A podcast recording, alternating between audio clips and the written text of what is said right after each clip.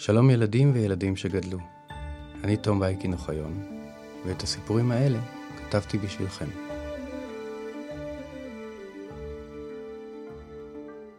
סיפורי מעשיות מלאים בדמויות מיוחדות ומשונות.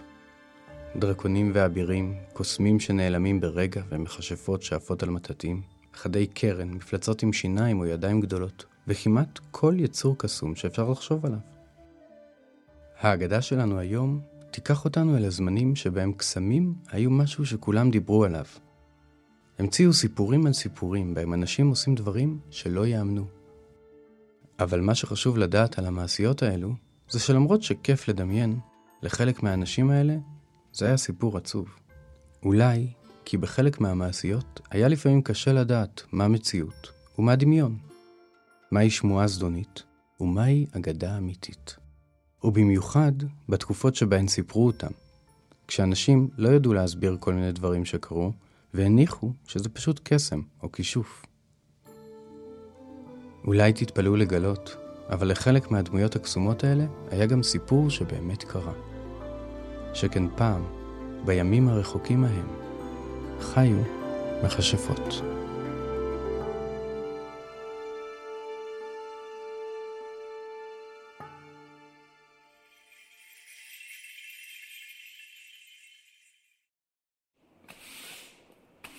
כמעט בכל תרבות בעולם קיימים סיפורים שונים ומשונים על נשים מכוערות ומרושעות שרוכבות על מטאטא ועושות כשפים. רוב הסיפורים האלה הם שקרים ובדיות, אבל האגדה הזאת, תאמינו או לא, היא סיפור אמיתי על מכשפות.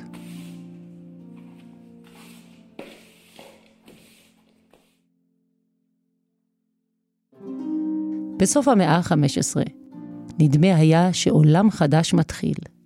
התגלו תגליות חדשות במדעים, יבשות חדשות התגלו ובהן תרבויות שאיש לא הכיר. ואפילו הומצא מדע חדש, הכימיה המודרנית. מדע חשוב מאוד ששינה לחלוטין את האופן שבו מכינים תרופות. עד לאותה תקופה, רוב התרופות הגיעו מן הטבע, ורוב הרופאות היו נשים. שלמדו מסבתא שלהן אילו צמחים טובים לאיזו בעיה. התרופות לרוב המחלות היו כוסית של יין מתובל או בירה חריפה במיוחד, ואותה נתנו אפילו לילדים. דבש היה תרופה חשובה מאוד, אבל הוא היה יקר מאוד, ולרוב האנשים לא היה כסף מספיק להשיג אותו. עד היום אנחנו קוראים לתרופות כאלה תרופות סבתא.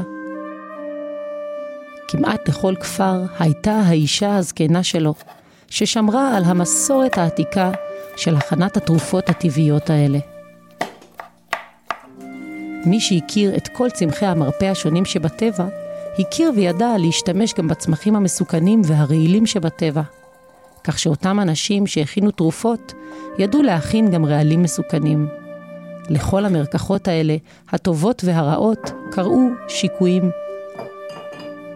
את השיטות להכנת השיקויים האלה שמרו בסוד, בשל הסכנה שהידע הזה עלול ליפול לידיים הלא נכונות. רוב האנשים לא אוהבים ששומרים מהם סודות, פשוט כי הם לא יודעים מהם הסודות ששומרים מהם. נוסף על כך, תמיד עם חוסר הידיעה מגיע גם הפחד. כך החלו אנשים לפחד מאותן נשים ששמרו את המסורות העתיקות. הם האשימו אותן בכל בעיה שקרתה בכפר. אם היבול לא צמח, המכשפה גרמה לזה. אם הילד היה חולה, המכשפה כישפה אותו, ואם האב עבד במלחמה, המכשפה בוודאי גנבה לו את המזל. הפחד והשנאה דחקו את הנשים המרפאות החוצה מהעיירה, והן נאלצו לגור מבודדות מהעולם, אי שם ביער או הרחק בשדה. אבל אף על פי שכולם פחדו מהן, כולם היו זקוקים להן. רופאים היו רק בעיר הגדולה, ומישהו בעיירה תמיד היה זקוק לטיפול. כך, תושבי העיירה המשיכו לפנות אל המכשפות בכל פעם שהיו זקוקים לעזרתן, ולאחר מכן המשיכו לקלל אותן מאחורי גבן. בני האדם הם חיות מוזרות מאוד. הם לא מסוגלים להודות שיש משהו בעולם שהם לא מבינים. לכן הם ממהרים להאמין לכל סיפור, מטופש ככל שיהיה, שיגרום להם להרגיש שהם מבינים טוב יותר את העולם. כך החלו להתפתח סיפורים שונים ומשונים על אותם נשים מרפאות.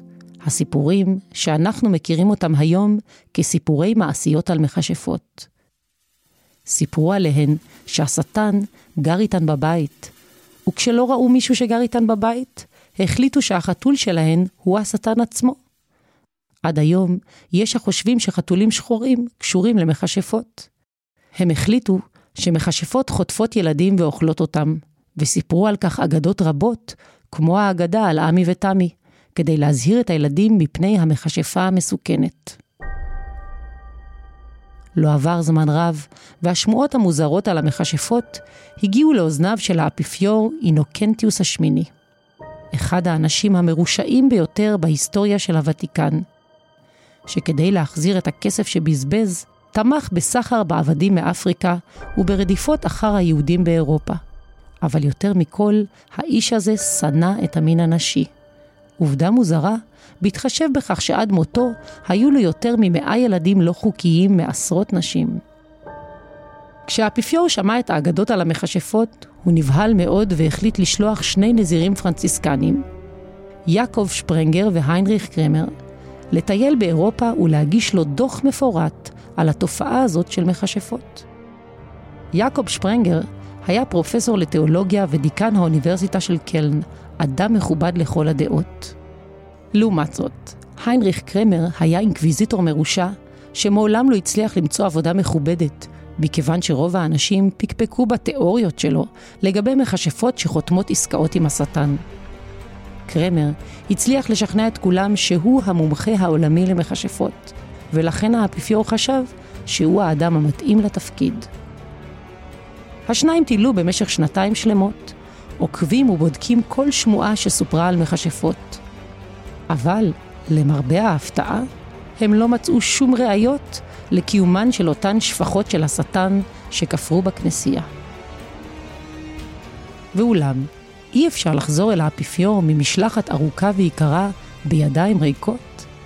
לכן, במקום להודות על האמת ולהודיע לאפיפיור שהם פשוט לא מצאו כלום, שפרנגר וקרמר אספו יחדיו את כל הסיפורים ששמעו על מכשפות ואיגדו אותם באחד המסמכים השקריים והנוראים שנכתבו אי פעם, פטיש המכשפות.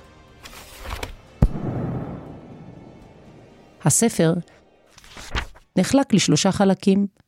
בחלק הראשון הוסבר שתופעת המכשפות היא חלק מקנוניה של השטן, שנוצרה במטרה להפיל את שלטון הכנסייה ולהפוך את כל הנוצרים הטובים של העולם לכופרים וחוטאים. בחלק השני נטען, בצירוף דוגמאות רבות, שפחות או יותר כל דבר רע שקרה בכפרים היה תוצאה ישירה של רשעותן של המכשפות.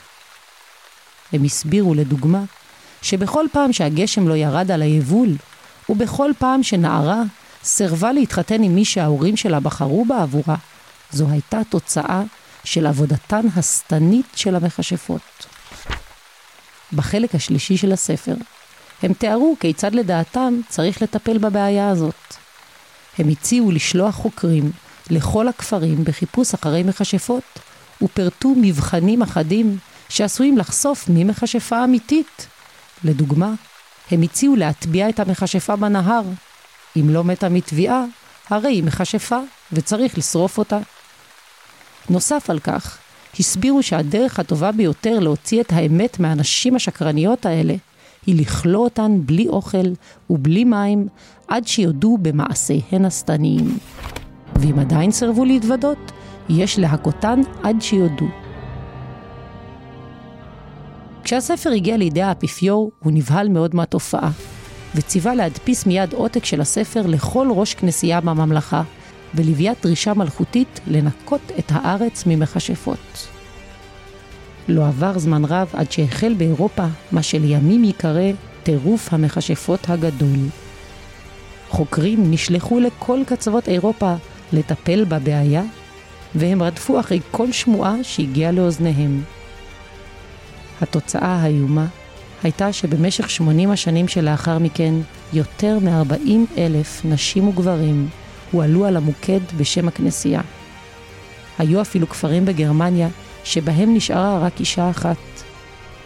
מספיק היה שאנשים שכעסו על שכניהם הלשינו עליהם שהם עוסקים בכישוף, כדי שחוקרי הכנסייה כבר יטפלו בהם.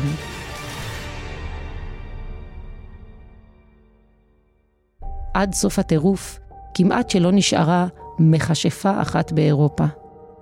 עם היעלמותן, שנים של ידע על תרופות טבעיות שהועבר במסורת מדור לדור, נעלמו גם הן. היום, כמעט שאין נשים שמכירות את סגולות המרפא, החבויות בצמחים שביער.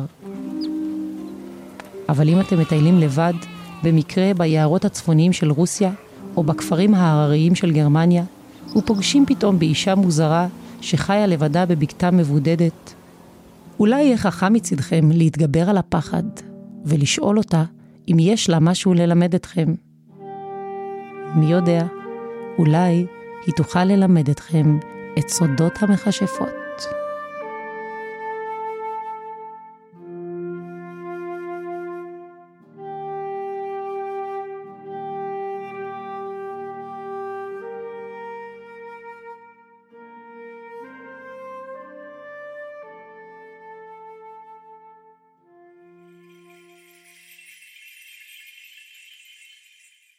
יש סיפורים שעוברים מפה לאוזן, מתפשטים והופכים לשמועה, עד שכבר קשה לדעת מהי האמת. סיפורן של המכשפות הוא סיפור עצוב ולא נעים, אבל חשוב היה לנו לספר אותו. שמועות כאלה מגלות למשל כמה חשוב לשים לב לא רק למה שאנחנו אומרים, אלא למה שאנחנו שומעים, ולמה אנחנו מאמינים כשמישהו אחר מעביר לנו מסר כלשהו. עוד ועוד אנשים האמינו לשמועה הזדונית על המכשפות, והשמועה בסופו של דבר פגעה בנשים רבות. נשים שאולי כולנו יכולנו ללמוד מהן, ומהמסורות שהן העבירו מדור לדור. שמעתם פעם שמועה על מישהו שאתם מכירים?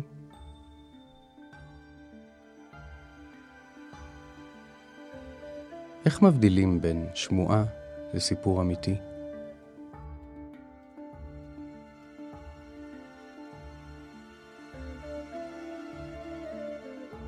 מלבד האגדה הזו, עוד אגדות שהיו באמת תוכלו למצוא בפודקאסט שלנו.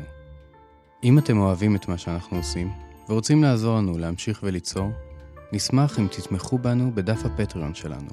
התומכים יזכו לתכנים בלעדיים, הנחות קבועות לספרי הוצאת פנק, ואפילו לשמוע אגדות אמיתיות חדשות, שלא תוכלו למצוא כאן. הקישור מופיע בתיאור הפרק. הפודקאסט נולד ונערך ברשת הפודקאסטים העצמאית שלג, את ההגדה הזו קראה עבורכם עלמה זוהר. הפיקה מוריה דפני וביים עמרי בן דור. אני תום בייקין אוחיון. את הספר אגדות אמיתיות, ובעוד מגוון רב של אגדות, תוכלו למצוא באתר של הוצאת פנק. ואם רק תסתכלו טוב טוב, תראו שכל אחת ואחד מכם הוא כבר גיבור של אגדה.